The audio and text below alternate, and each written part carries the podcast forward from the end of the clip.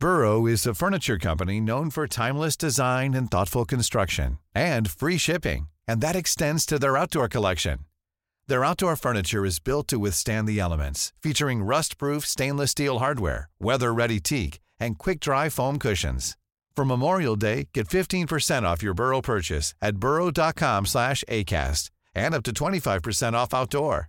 That's up to 25% off outdoor furniture at burrow.com slash ACAST.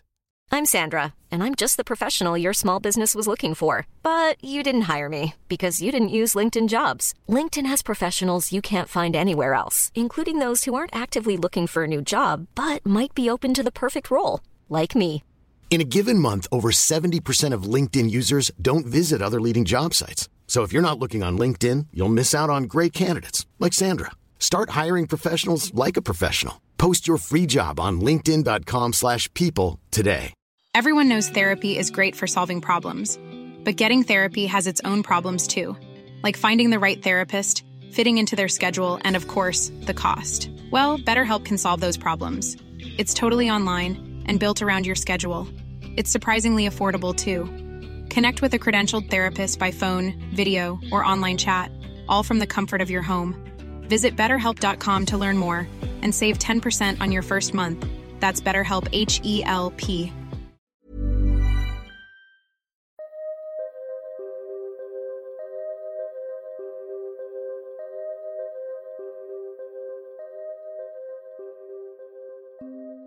Det är tidig vår 2019 och i en liten lägenhet i ett industriområde i Sollentuna utanför Stockholm sitter den 21-åriga Andreas i sin lägenhet på 8 kvadratmeter utan fönster. Där inne dricker han i sin ensamhet kopiösa mängder alkohol och lyssnar på låten California Dreaming på repeat. Framför sig har han en anteckningsbok som kommer att kallas för Den vita zebran i vilken han skriver ner sina tankar och planer jag fick lite grejer med posten idag. Cargobyxor och en replika av en MP41. Replikan är ganska lätt att göra om till ett skarpt vapen. Men metallen den är gjord av håller inte måttet. Jag väntar också på min Luftwaffe fallskärmsjägarkniv. Andreas planerar att utföra en attack mot ett stort gymnasium i södra Stockholm. Ett gymnasium med 2000 elever. I den så kallade vita zebran skriver han att han vill bli ihågkommen, en legend och att han kommer hamna i helvetet. Han skriver att han vill döda så många som möjligt. Jag har alltid velat döda. Jag vet inte varför. Det är inte som att jag haft en dålig uppväxt. Jag har fan bara alltid velat döda folk. Viljan att utföra ett Columbine-liknande attentat har jag haft sedan jag var 13. Andreas kommer inhandla allt han anser sig behöva för att utföra den här attacken. Som går ut på att spränga och elda ner skolan på 20-årsdagen av Columbine-massakern. Men han kommer i sista sekund att bli tagen av polisen. Han sa det gång på gång på gång. De är som fan vad ni tog mig. Jag var så taggad på det här. Du lyssnar på Rättegångspodden och på en serie i tre delar som handlar om planeringen av en skolattack. Om en ensam, vilsen och destruktiv ung man. Och om hur polisen arbetade för att få honom fälld. Trots att attacken aldrig utfördes. Mitt namn är Nils Bergman. Det kan väl inte bli mer detaljerat egentligen? Nej, men eh, alltså... Om det står exakt hur man ska göra och sen en karta på där man visar till och med där du har skrivit ut nummer ett och så passar det ihop med texten som är skrivit under nummer ett. Mm.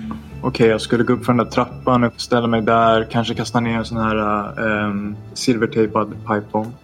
Uh, för att få folk liksom att förstå, okej okay, vi måste evakuera. Sen skjuta lite blankskott. Eh, gå ner därifrån. Kanske kasta någon här rökgranat någonstans. Och, ah.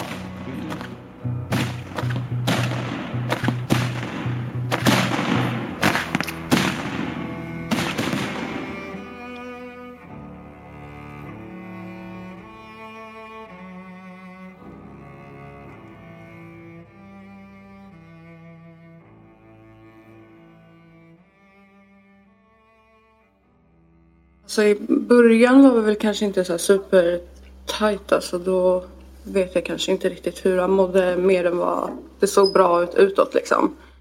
I december 2017 tar Andreas jobb i en inredningsbutik vid Fridhemsplan i Stockholm. Andreas har tidigare gått en gymnasieutbildning som målare på Fredrik Bremer gymnasiet. Men på grund av att han ofta är bakfull till följd av ett eskalerande alkoholmissbruk har han sällan lust att stå i dammiga lokaler och måla. Arbetet som butiksbiträde passar honom bättre och han trivs med arbetsuppgifterna. Han är till en början uppskattad av både personal och kunder. Men hans chef märker snart att Andreas tycks må sämre och sämre. Han var rätt ärlig med att han inte mådde eh, speciellt bra. Eh, och sen märkte man det även på typ, alltså, hans personlighet och så. så det svängde mycket i humöret och att han var, att han blivit annorlunda liksom. Andreas och hans chef får bra kontakt med varandra och han öppnar upp sig om sina olika problem i livet. Att han känner sig deprimerad och självmedicinerar med bland annat alkohol. Alltså det var, han skötte sitt jobb så. Eh, men det var väl vi som var, jag tror inte att kunder och sånt uppfattade någonting. Men vi som jobbade med honom märkte att han var lite, alltså kortare stubin och lite, alltså man märkte en förändring. Att han blev mer negativ och nere och eh, alltså så här, kändes typ att han kom ibland till jobbet påverkad och så. Mm, alltså alkohol och eventuellt tabletter och så. Jag vet inte riktigt specifikt men. Det blir uppenbart för butikschefen att Andreas behöver hjälp. Och istället för att avskeda honom visas förståelse för hans problematik och man ger honom en chans att ta tag i sina problem. Ingen vet då hur illa ställt det egentligen är med Andreas och vad han egentligen planerar. Jag känner bara typ alla, ingen av oss på jobbet typ trodde att han var kapabel till att göra någonting. Alltså elakt. Vi var mer typ alltså, kände att han var en fara för sig själv mer än någon annan. Och det är väl typ så vi har uppfattat honom mer. Att det liksom, han verkade må väldigt psykiskt dåligt och jag hoppas att han får hjälp med de tankarna först och främst. Liksom. Andreas dricker ibland så mycket som en hel flaska whisky om dagen, ensam i sin dunkla lägenhet utan fönster. Och det var i inredningsbutiken som han fastnade för en anteckningsbok med en stor vit zebra på framsidan. Det är i den han skriver ner vad som påminner om dagboksanteckningar. Andreas kommer senare hävda att det som står i den här boken, den så kallade vita zebran, eller zebraboken, till största delen är grunden till en fiktiv berättelse om en karaktär i en nedåtgående spiral och som planerar att begå en skolattack. Men det hela kommer bli luddigt att reda ut då han tycks basera stora delar av denna påstådda karaktär på sig själv. Som till exempel hans drogmissbruk. För ett par månader sedan fick jag ett anfall efter att ha överdoserat ett smärtstillande medel som heter tramadol.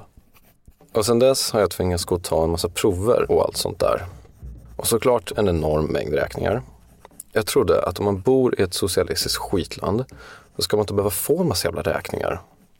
Men tydligen inte. Jävla regering. Skitsamma. Det Andreas skriver om sina hälsoproblem och sin självmedicinering är taget ur verkligheten. Han börjar bland annat att självmedicinera med ADHD-medicinen Vivanse. Och det var ett mirakelmedel. Jag blev gladare, fick mer energi och allt bara funkar bättre. Jag använder det fortfarande men jag tror att jag kanske håller på att få några av de psykiska biverkningarna. Jag blivit mer paranoid. Jag tror alltid att folk tittar äcklat på mig när jag sitter på tåget och sånt. Jag menar det har typ alltid varit så men det har blivit värre och jag tror att det är på grund av Vivansen. Det är vid årsskiftet till 2019 som det börjar gå rejält utåt för Andreas mående och anteckningarna i Vita Zebran blir mörkare och mörkare. Han börjar skriva om sin vilja att döda människor. Jag har alltid velat döda. Jag vet inte varför. Det är inte som att jag haft en dålig uppväxt. Jag har fan bara alltid velat döda folk. Viljan att utföra ett Columbine-liknande attentat har jag haft sedan jag var 13. Det är även här som Andreas också börjar samla på sig mer och mer saker. Som cargobyxor, replikor av automatvapen, en fallskärmsjägarkniv och diverse nazi-memorabilia. Som terapi och för att skingra tankarna sitter han också i timmar i sträck och tillverkar så kallad Armstrongs mix av tändstickor och tändsticksaskar. En slags hemmagjord krutmix som har potential att vara extremt explosiv. En ljusglimt i Andreas annars mörka tillvaro är förhållandet med en tjej. De har varit ett par sedan 2017 och allt tyder på att Andreas är väldigt förälskad i henne. I boken skriver han att hon är deprimerad och vill begå självmord och att han själv är en sociopat med mordtankar. De är ett perfekt katastrofrecept, skriver han. Det finns också tecken och indikationer i boken om att de tillsammans planerar att utföra något form av attentat för att sedan gemensamt begå självmord. Den ursprungliga planen var att vi skulle utföra dådet och sen ta livet av oss. Men jag tänker att om kanske bara jag tar livet av mig och hon överlämnar sig till polisen så kanske hennes ålder och mentala tillstånd gör att hon kan få någon riktig behandling som funkar bättre än bara en massa piller och terapi. Hon är galet kär i mig och jag må vara en galen sociopat. Men jag bryr mig faktiskt om henne. Jag hoppas att jag kan övertala henne att inte ta livet av sig. Planerna på att utföra ett attentat mot just en skola utvecklas. Men de är fortfarande i tankestadiet och Andreas upptas även av andra tankar som han vid den här tiden skriver ner. Såsom sin vurm för extrem nationalism och fascism. Fascism är det bästa politiska systemet. Människor är flockdjur. Vi fungerar bättre och är lyckligare i grupp. Och med fascism skapar man ett system där man ser sitt land som en stam. Så man måste sträva efter att göra sin stam mäktig. Han hakar också upp sig på modern feminism som han menar bara är ovetenskaplig. Självklart finns det biologiska kön och självklart finns det skillnader mellan dem. Och att påstå något annat är bara efterblivet. Kvinnor föds svagare än män eftersom de är gjorda för att ta hand om ett barn och huset eller bostaden. Därför har de också en modersinstinkt. Så kvinnor är mer empatiska än män. Andreas har också en stor fascination för skolskjutningar. I synnerhet för den så kallade Columbine-massakern som skedde den 20 april 1999 i Colorado. 22 februari 2019. Bara typ två månader kvar till 20-årsdagen för Columbine-massakern. Alltså jag måste göra något nu, eller hur? Kan inte figga ur. Det här är mitt livs chans. Att utföra ett attentat på händelsens 20-årsdag, det är för bra för att missa. Jag önskar att jag hade min flickvän med mig att göra det, men hon tvekar nu. Jag vet inte, men jag har en vag misstanke om att hon inte älskar mig som hon gjorde förut. Hon skriver inte till mig lika ofta och verkar inte bry sig så mycket alls. Men fan, jag gör det ensam. Jag bryr mig inte. I takt med att Andreas vilja att utföra en liknande skolattack och döda så många som möjligt ökar, så tycks flickvännens känslor för honom avta och hon drar sig undan mer och mer. Andreas påbörjar nu ett mer konkret planerande och gör upp en inköpslista på saker han anser sig behöva för att utföra en skolattack. Åtta liter bensin. Två fyrverkeritårtor. Tolv fyrverkerimörsare omgjorda till rörbomber. En k-pistreplika. En avsågad replika. Två burkar röd sprayfärg. Den skola som Andreas nu riktat in sig på är Fredrika Bremer gymnasiet i södra Stockholm. En gymnasieskola med 2000 elever och som ligger i direkt anslutning till Fredrik Bremer gymnasiet, där Andreas själv gick. Han har därför vistats i byggnaderna och är väl bekant med hur det ser ut. Han börjar skriva upp en karta och en plan på exakt hur han ska utföra attentatet. Steg 1. Gå in i skolan med all utrustning. Gå upp mot bildsalen, förutsatt att jag kommer in. Steg 2. Ta fram utrustningen och gör dig redo för attentatet. Steg 3. Gå ut på balkongdelen utanför bildsalen och kasta ner en rörbomb bland människorna där nere så att de skingras. Avlossa också några skott. Steg 4. Fortsätt ner för trappan och gå runt i den nedre hallen en stund och skjut och kasta rörbomber. Steg 5. Gå vidare till biblioteket. Evakuera människorna och häll ut en av bensindunkarna över hela biblioteket och kasta in en rörbomb. Steg 6. Gå tillbaka till väggen ute i hallen och spraymåla väggen med Sick Semper Tyrannis och California Dreaming. Gå tillbaka upp till bildsalen och häll ut bensin där också och kasta in en till rörbomb. Steg 7. Ställ en av fyrverkeritårtorna i tunneln som förbinder skolans två delar. Steg 8. Ställ den andra fyrverkeritårtan mitt i skolan och rikta den mot huvudingången. Steg 9. Gå runt lite, ring sen polisen och säg att du är beredd att överlämna dig. Dagen är snart här, 20 april.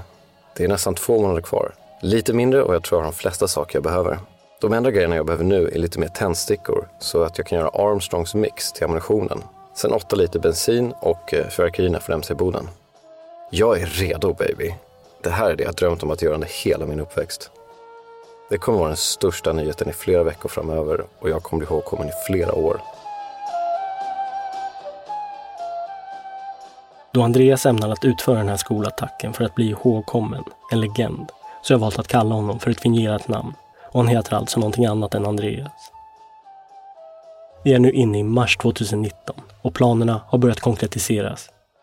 Andreas alkoholmissbruk är värre än någonsin och han reflekterar själv över att om han fortsätter att dricka i den här takten kommer han ändå inte leva särskilt länge. Jag kommer att dö som missbrukare och om det finns ett helvete så kommer jag garanterat att hamna där. Om jag inte dricker så knarkar jag och vill bara sluta, men skitsamma. Det är en av anledningarna till att jag tänker göra det här. Så istället för att bara tyna bort i en betydelselös död kan han lika gärna utföra det här och bli för evigt ihågkommen. I slutet av mars, bara veckor innan 20-årsdagen för Columbine-massakern, som Andreas riktat in sig på som datum, gör flickvännen slut med honom. Min flickvän som jag var ihop med i två år lämnade mig på grund av mina anfall. Jag hoppas att hon dör. Det eskalerande alkohol och tablettmissbruket och rädslan att dö en betydelselös död sporrar Andreas till att fortsätta planerna ensam. Vi har återigen Andreas chef. Och veckorna innan här, Mm. det som ledde fram till första april, hur, hur var de? Vi, jag försökte få han att skriva in sig på typ så här, någon så här psykvård, alltså något sånt och få hjälp för att han uttryckte att han inte ville leva mer. Eh, så just de sista veckorna var väldigt eh, instabila.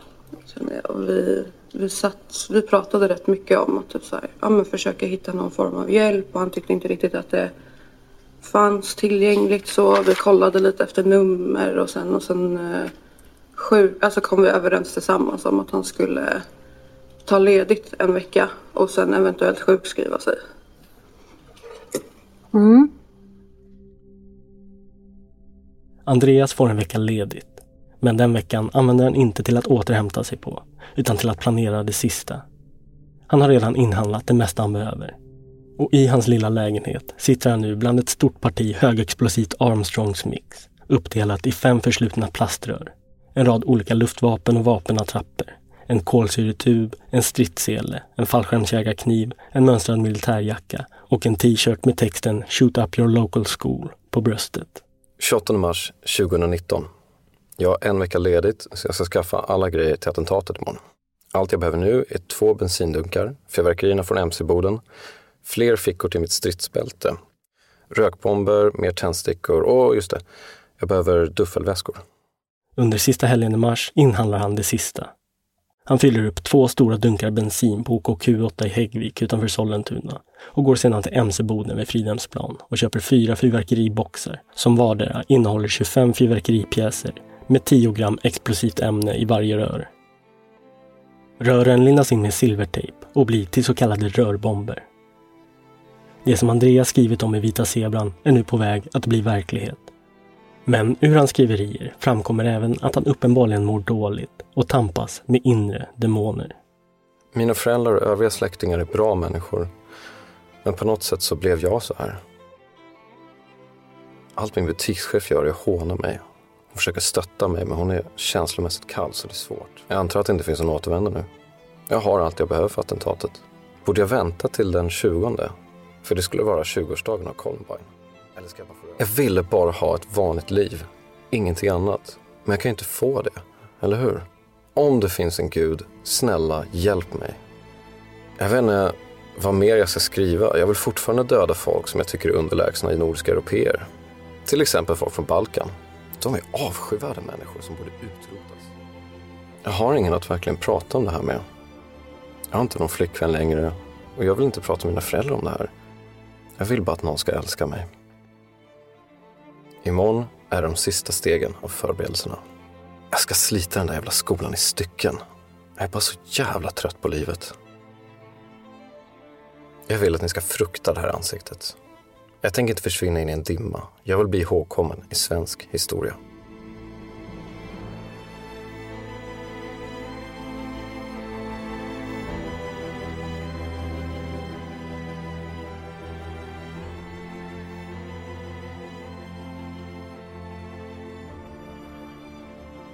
Måndagen den 1 april inhandlar Andreas fyra behållare av propangas på Biltema i Haninge och även en stor gasoltub på ÖoB. Propanbehållarna sammanfogar han senare med hjälp av silvertejp för att skapa en propanbomb, likt en av bomberna som användes vid just Columbine-massakern. Det är fortfarande 20 dagar kvar till 20-årsdagen för Columbine-massakern. Men det här året skulle den 20 april infallit på en lördag, då inga elever skulle ha befunnit sig i skolan. Men detta är ingenting som Andreas ännu hade kollat upp. En sak som är klar är att Andreas vid den här aktuella dagen är klar med sin planering, har inhandlat allting och går enligt egen utsago under kvällen till en närliggande krog för att supa sig ordentligt full en sista gång och för att förhoppningsvis få med sig ett sista ragg hem till sig. Men den här kvällen kommer inte alls bli som Andreas planerat. Han går förvisso till den närliggande krogen och super sig full, men istället för att hitta ett ragg lyckas han få med sig en uteliggare upp till lägenheten. Där fortsätter Andreas och uteliggaren att dricka sprit, fram tills att tjafs uppstår mellan dem. Så till den grad att det blir tumult och grannar i lägenhetsbyggnaden reagerar. Jag eh, jobbar som polis och den här kvällen jobbade jag nattpass i rollen som yttre befäl. Dörren till Andreas lägenhet har råkat stå öppen och de upprörda grannarna kan kika in och se då bensindunkarna, rörbomberna, vapenattrapperna, propanbehållarna och stridsselen och militärjackan. De ser även att Andreas och den här uteliggaren är kraftigt berusade och bråkar. Det här föranleder dem till att ringa polisen och yttre befälet Erik åker ut på larmet. Man har hört deras samtal och att det pratades om vapen och det pratades om att skjuta och spränga. Väldigt så luddiga uppgifter. Och vid något tillfälle så kastas den här äldre mannen ut och någon av de här personerna ser stå med en större kniv i handen och det är därför man larmar polisen. Då. Men det här tar ganska lång tid att liksom röna ut eh, när och vad som har hänt och så vidare. Grannarna har nu även lyckats ta bilder på sakerna i Andreas lägenhet och fler patruller skickas ut till lägenhetsbyggnaden. Um, och sen ganska snart så positionerade sig de andra patrullerna runt den här fastigheten för att ha uppsikt över liksom in och utgångar. Och I samband med det så ser en av eh, mina kollegor eh, en person som han gissar är eh, genom entrédörren. Och då går han in och griper. Jag stod väl där med han i ungefär 5-10 minuter. Eriks kollega Gilbert får nu syn på den man som de tycks vara ute efter. Den man som grannarna ringt in och varnat för. Gilbert griper honom och blir ståendes med honom ett tag och Andreas börjar frivilligt att öppna upp sig.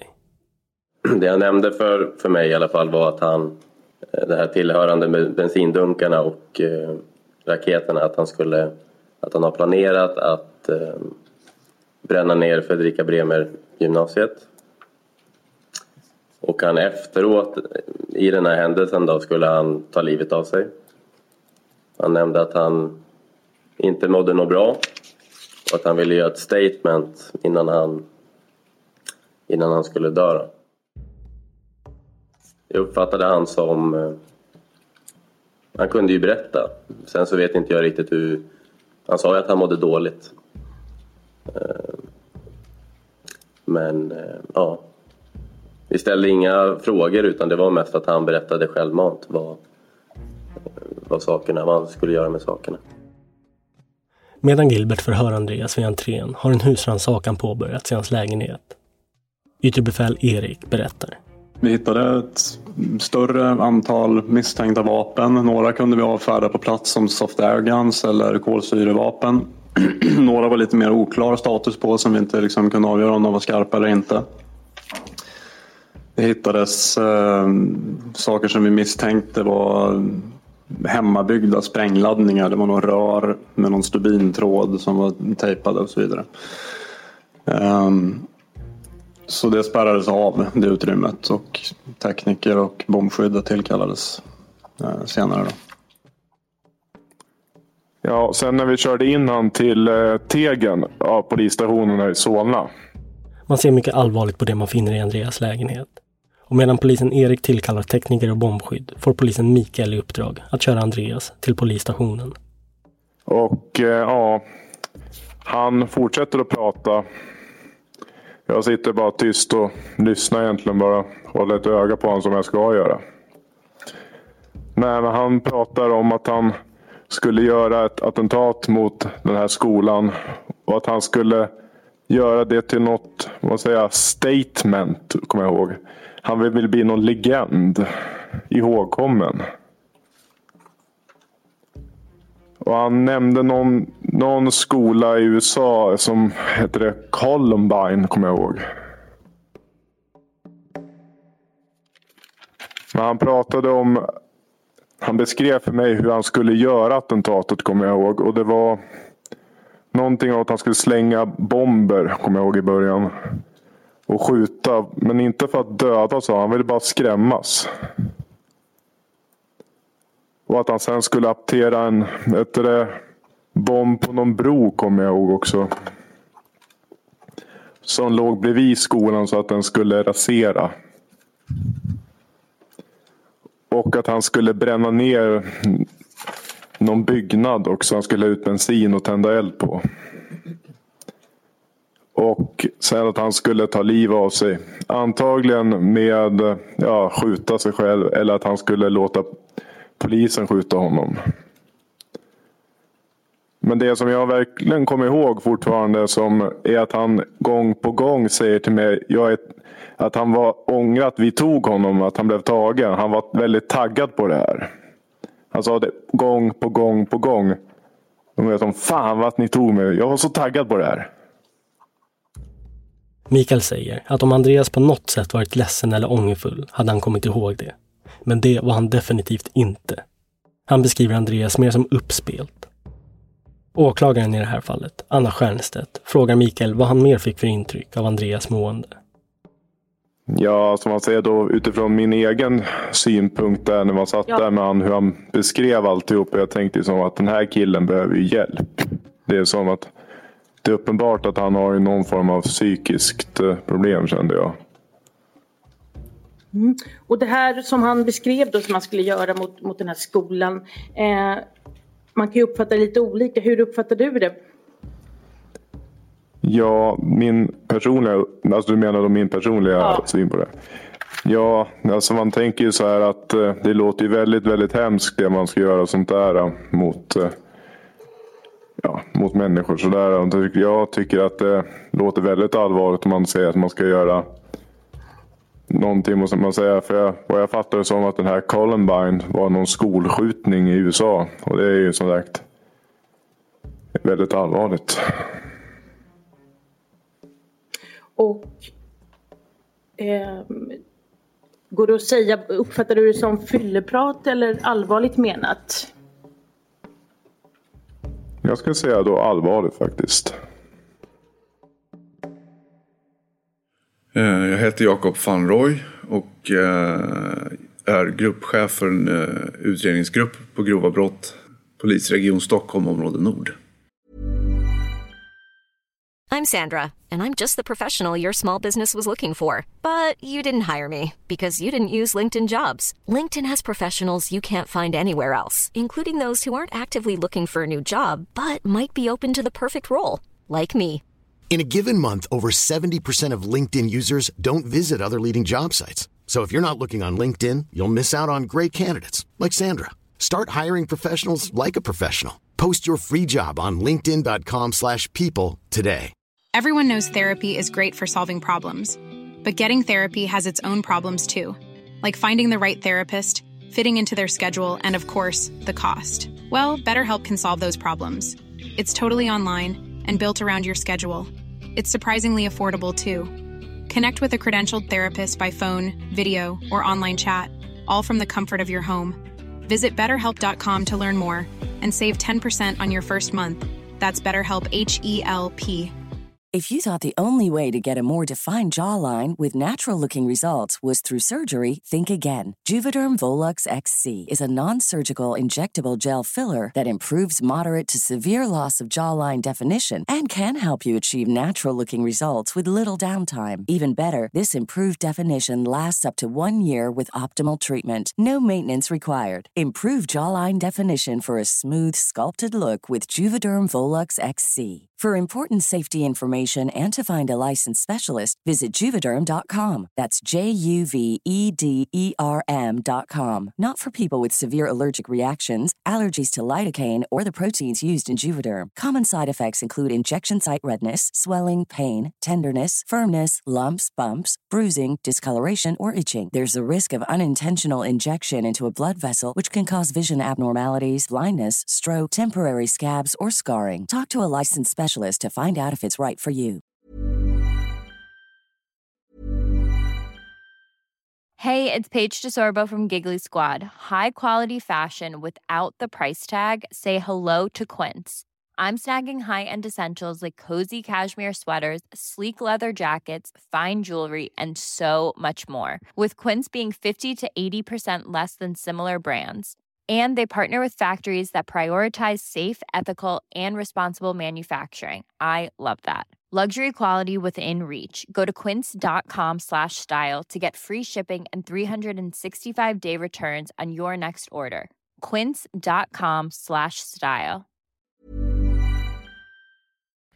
För att förstå mer om vad som här hände så åker jag och träffar utredningsledaren för det här ärendet, Jakob van Roy. Ni känner igen hans röst som förhörsledaren i mina tidigare avsnitt om flygvärden som eldade kvinnor. Det är Jakob van Roy som tidigt den 2 april 2019 får det här till synes mycket allvarliga ärendet på sitt bord. Och det blir han som kommer att bestämma vad för åtgärder som ska sättas in.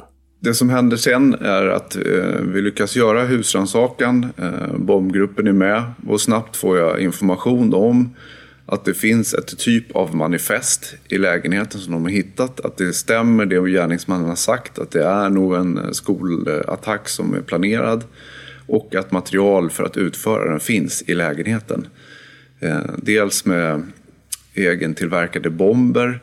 Eh, vi kunde inte veta riktigt vad det var då, men det var det man såg att det var egentillverkat, att det var de var gjorda med silvertejp och det fanns tecken på att man hade, eh, att, att det hade tillverkats egenhändigt krut eh, så kallad Armstrongs mix. Eh, det är det som Juna-bombar använder till exempel. Att man, man använder saker som man kan köpa i vanliga affärer att tillverka bomber för egentligen. Med tändstickor och annat. I bröstfickan på Andreas jacka har man även hittat en svart anteckningsbok som kommer att kallas för den svarta boken. Där planer på skolattacken tycks vara mer konkreta och detaljerade än i den så kallade Zebra-boken. Och de här planerna tas på mycket stort allvar. Min första reaktion var att eh, vi måste få reda på om de är fler gärningsmän. Och det är ganska snabbt. Eh, så att det här inte händer. Eh, och att vi tror att vi har den enda gärningsmannen. Vid det här laget har man ingen aning om huruvida Andreas är en ensam varg eller tillhör ett större nätverk. Då Zebraboken är utsmyckad med hakkors och behandlar ämnen som fascism och extrem nationalism tror man att det kan finnas en politisk koppling, vilket får Jakob att tillsätta resurser för att undersöka detta vidare. Eh, så då var det viktigt att eh, försöka kartlägga honom så fort som möjligt. Eh, och som tur var så hade han sparat kvitton och Eh, sånt på inköpen av det sista. Så att då blev eh, prioriteringen att eh, åka och hitta alla ställen på inköp och titta på övervakningskameror om han var själv när han köpte sakerna eller om det fanns flera som var med. För det hade varit ett lätt sätt att se om de är två som köper så finns det ju en till. Men ju längre det gick, den dagen gick, så lutade det åt att han nog var själv. Det kanske fanns en till som vi trodde var en annan man. Men det visade sig sen att det var hans för detta flickvän som, som fanns i, i, benämnd i i manifestet. Eller Zebraboken som han sen kallade det. Gradvis blir polisen mer och mer övertygad om att Andreas är en ensamt agerande gärningsman. Man undersöker dock eventuella kopplingar till högerextrema grupper och det framkommer att Andreas vid ett tillfälle sökte till NMR, Nordiska motståndsrörelsen, men inte beviljats inträde. Ärendet är fortsatt högt prioriterat och man försöker så snabbt som möjligt skapa sig en bild om vem den Andreas är. Den särskilda händelsen fortsätter i tre dagar. Så dag ett har vi kommit så långt att vi börjar luta åt att han är ensam. Vi vill ändå vara säkra. Eh, så vi börjar kartlägga honom mer med eh, att vi pratar med hans eh, mamma och pappa, hans farmor och farfar. Eh, och bilden om honom klarnar väl att han är en ganska ensam person. Han har inte speciellt många kompisar, han har ändå ett jobb. Vi pratar med eh, chefen där och den bilden som framkommer är att han är ganska ensam. Eh, så att det lutar mer och mer åt att han är en ensamagerande gärningsman. Och att han har problem med alkohol, säger flera i hans eh, bekantskapskrets. Men även att han, eh, Vår bild av honom verkar att han verkar vara lite deprimerad. Eller lite, men att han verkar deprimerad. Jakob van Roy berättar att det inte är ofta man i en sån här typ av utredning, så pass tidigt, har möjligheten att ta del av ett så tydligt manifest som polisen anser att anteckningarna i Zebraboken är. Därför lägger man extra stor vikt vid att läsa och utvärdera det som står i den, för att skapa sig en bild om exakt vad som var planerat. Där förstår man att eh, hans huvudsyfte är egentligen att ta livet av sig, men att han vill bli ihågkommen. Eh, och att han har en fascination för eh, Columbine-attacken. Och polisen ser även att planerna tycks ha tagit fart och konkretiserats de senaste veckorna. Vad jag tycker, det, jag kan utläsa materialet men även han säger att när eh, förhållandet tar slut mellan eh, honom och flickvännen och det är först då liksom planerna blir, eh, börjar sättas, blir verkliga för honom känns det som. Då börjar han ju inhandla saker och det känns att det är då han bestämmer sig. Det var ju årsdagen av Columbine, 20 år tror jag det var, som han hade tänkt göra det här. Och, eh, jag tror att just eh, det här året, 2019, var den dagen påsk. Så att han hade inte kunnat utföra det just den dagen. Men det tycker jag också man ser i, eh, i hans funderingar. Att han, han, eh, han har bestämt sig och vill inte vänta. Så att jag tror att hade vi inte kommit på honom så hade det eh, skett inom några dagar.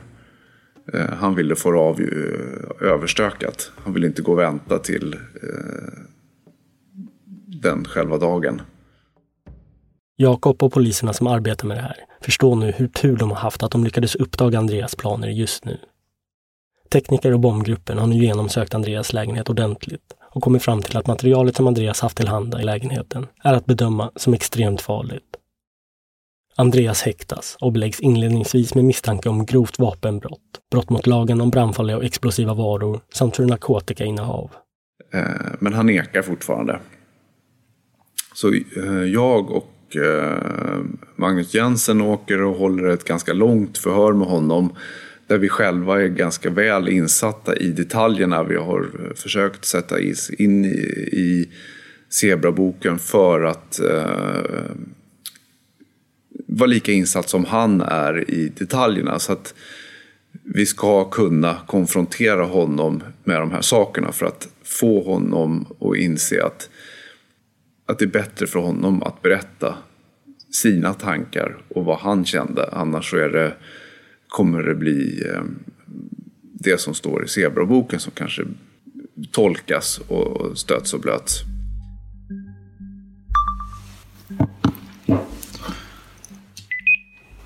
Först dubbla så att det inte försvinner. Så förhöret är, eh, som jag och Magnus håller är ganska långt. Han förnekar och försöker eh, förklara vad boken handlar om egentligen. Men han, han blir konfronterad med massa detaljer att hans historia inte går ihop eh, egentligen. Jakob van Roy och hans kollega Magnus Jensen sätter sig nu i ett förhörsrum tillsammans med Andreas och hans försvarare Jan Kyre. Det har nu gått några dagar och Andreas har hunnit nyktra till och vila ut. Och polisens utredning har gått framåt och lett till att de nu även belägger Andreas med brottsmisstanken om förberedelse till mord. Då, då har du fått uppläst eh, ny eh, brottsmisstanke. Mm. Hur ställer du dig till den? Eh, inte skyldig. Eh, kan jag få förklara lite? Absolut. Eh, som jag har förstått det så använder ni Vita Zebran då som faktabok ungefär.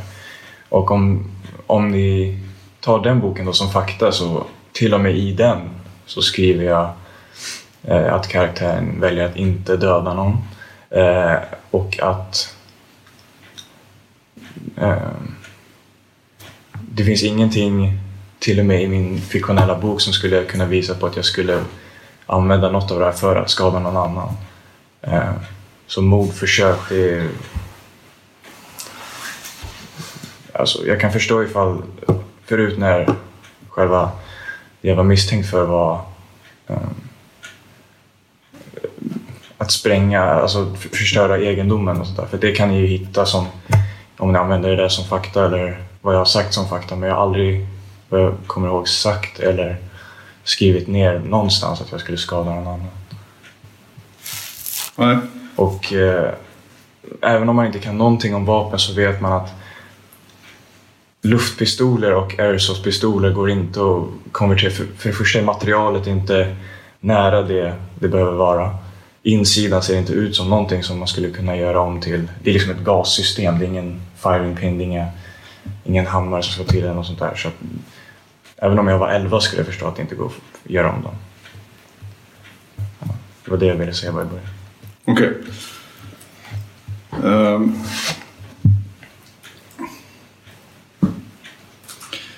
Om man säger så här att eh, det du sitter här och är misstänkt för är ett ganska allvarligt brott och speciellt nu när eh, den här nya brottsmisstanken kommer.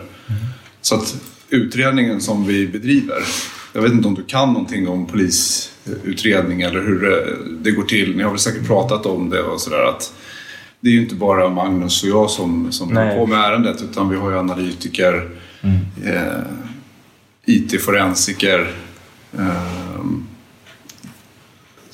Säpo är inblandat, eh, Säkerhetspolisen alltså, och även NOA. Det är en stor utredning som dragits igång och det är av största vikt att försöka förstå vad det är Andreas har planerat och vad hans tankar och planer i den så kallade Zebraboken verkligen betyder. Men Andreas tycks nu hävda att den allra största delen i Zebraboken är fiktiv. Att det är embryot till ett bok eller filmmanus. Därför tycker Andreas att det är problematiskt att poliserna som utreder honom tycks lägga så stor vikt i vad han har skrivit där. Sen så eh, använder vi ju inte, du säger att vi använder den som fakta, men vi tittar ju ändå på vad du har skrivit där. Jo, jag förstår. Det är ju en del av kartläggningen så att säga. Eh, och så tittar man inte på den som en enskild sak utan man, vi tittar ju på vad står i den, vad har hänt i ditt liv, vad är det faktiskt du har gjort. Och gör en kartläggning där också. Eh, Så att, att jag förklarar det här för dig är bara så att du förstår sen vilka frågor vi kommer ställa. Och, eh, det är inte vi som tar den som fakta utan det här kommer ju presenteras sen och så är det tingsrätten, om det nu kommer så långt, som bestämmer eller eh, avgör om din historia är trovärdig eller om eh, det, som står, det som står i boken står för sig själv. Och, eh, alltså bevisvärderar alla olika saker. Mm. Och vi lägger ingen värdering i det utan vi gör en undersökning om det här bara. Nej, jag menar inte att ni tar det som fakta. Jag menar polisen överhuvudtaget. Eller utredningen. Det är de som håller på med utredningen. Ja. Och vi försöker bara gå igenom allt vad som har hänt egentligen. Och, och kommer försöka få ihop det och presentera det för åklagaren så att hon sen kan säga ja men det här är tillräckligt mycket för att gå till åtal för. Eller att nej men hans eh, förklaring är rimlig och så vidare. Utredningen och förhören med Andreas kommer leda till slutsatsen att Andreas förklaringar inte är särskilt rimliga. Det finns för många detaljer i Zebraboken som är svåra att förklara för Andreas och de gånger han försöker blir det väldigt abstrakt och luddigt. Och polisen hittar dessutom mer information i Andreas dator och mobil som styrker den fascination Andreas tycks ha för Columbine-massakern och andra skolskjutningar. Så din fascination för Columbine? Ja. Jag har ingen fascination men eh, det är mycket inside jokes jag har bland mina vänner med typ Hitler och school shootings. Det är, vi skickar till sånt för, för att det är stötande. Vi tycker det är roligt att skicka till varandra.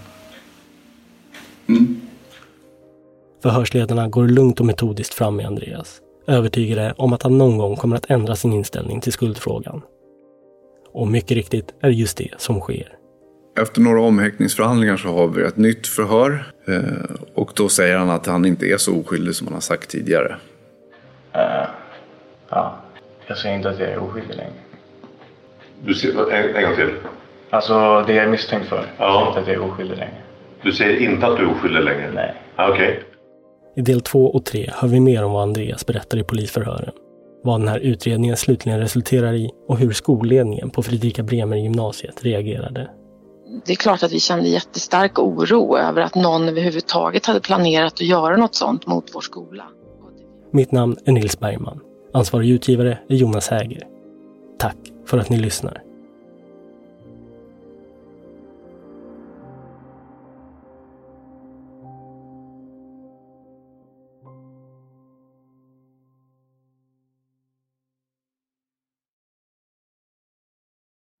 Rättegångspodden är en Tall Tale-produktion. Ansvarig utgivare är Jonas Häger. Och Rättegångspodden görs i samarbete med Lexbase. Ange rabattkoden Rättegångspodden när du blir ny betalande medlem på lexbase.se och få tre kostnadsfria domar.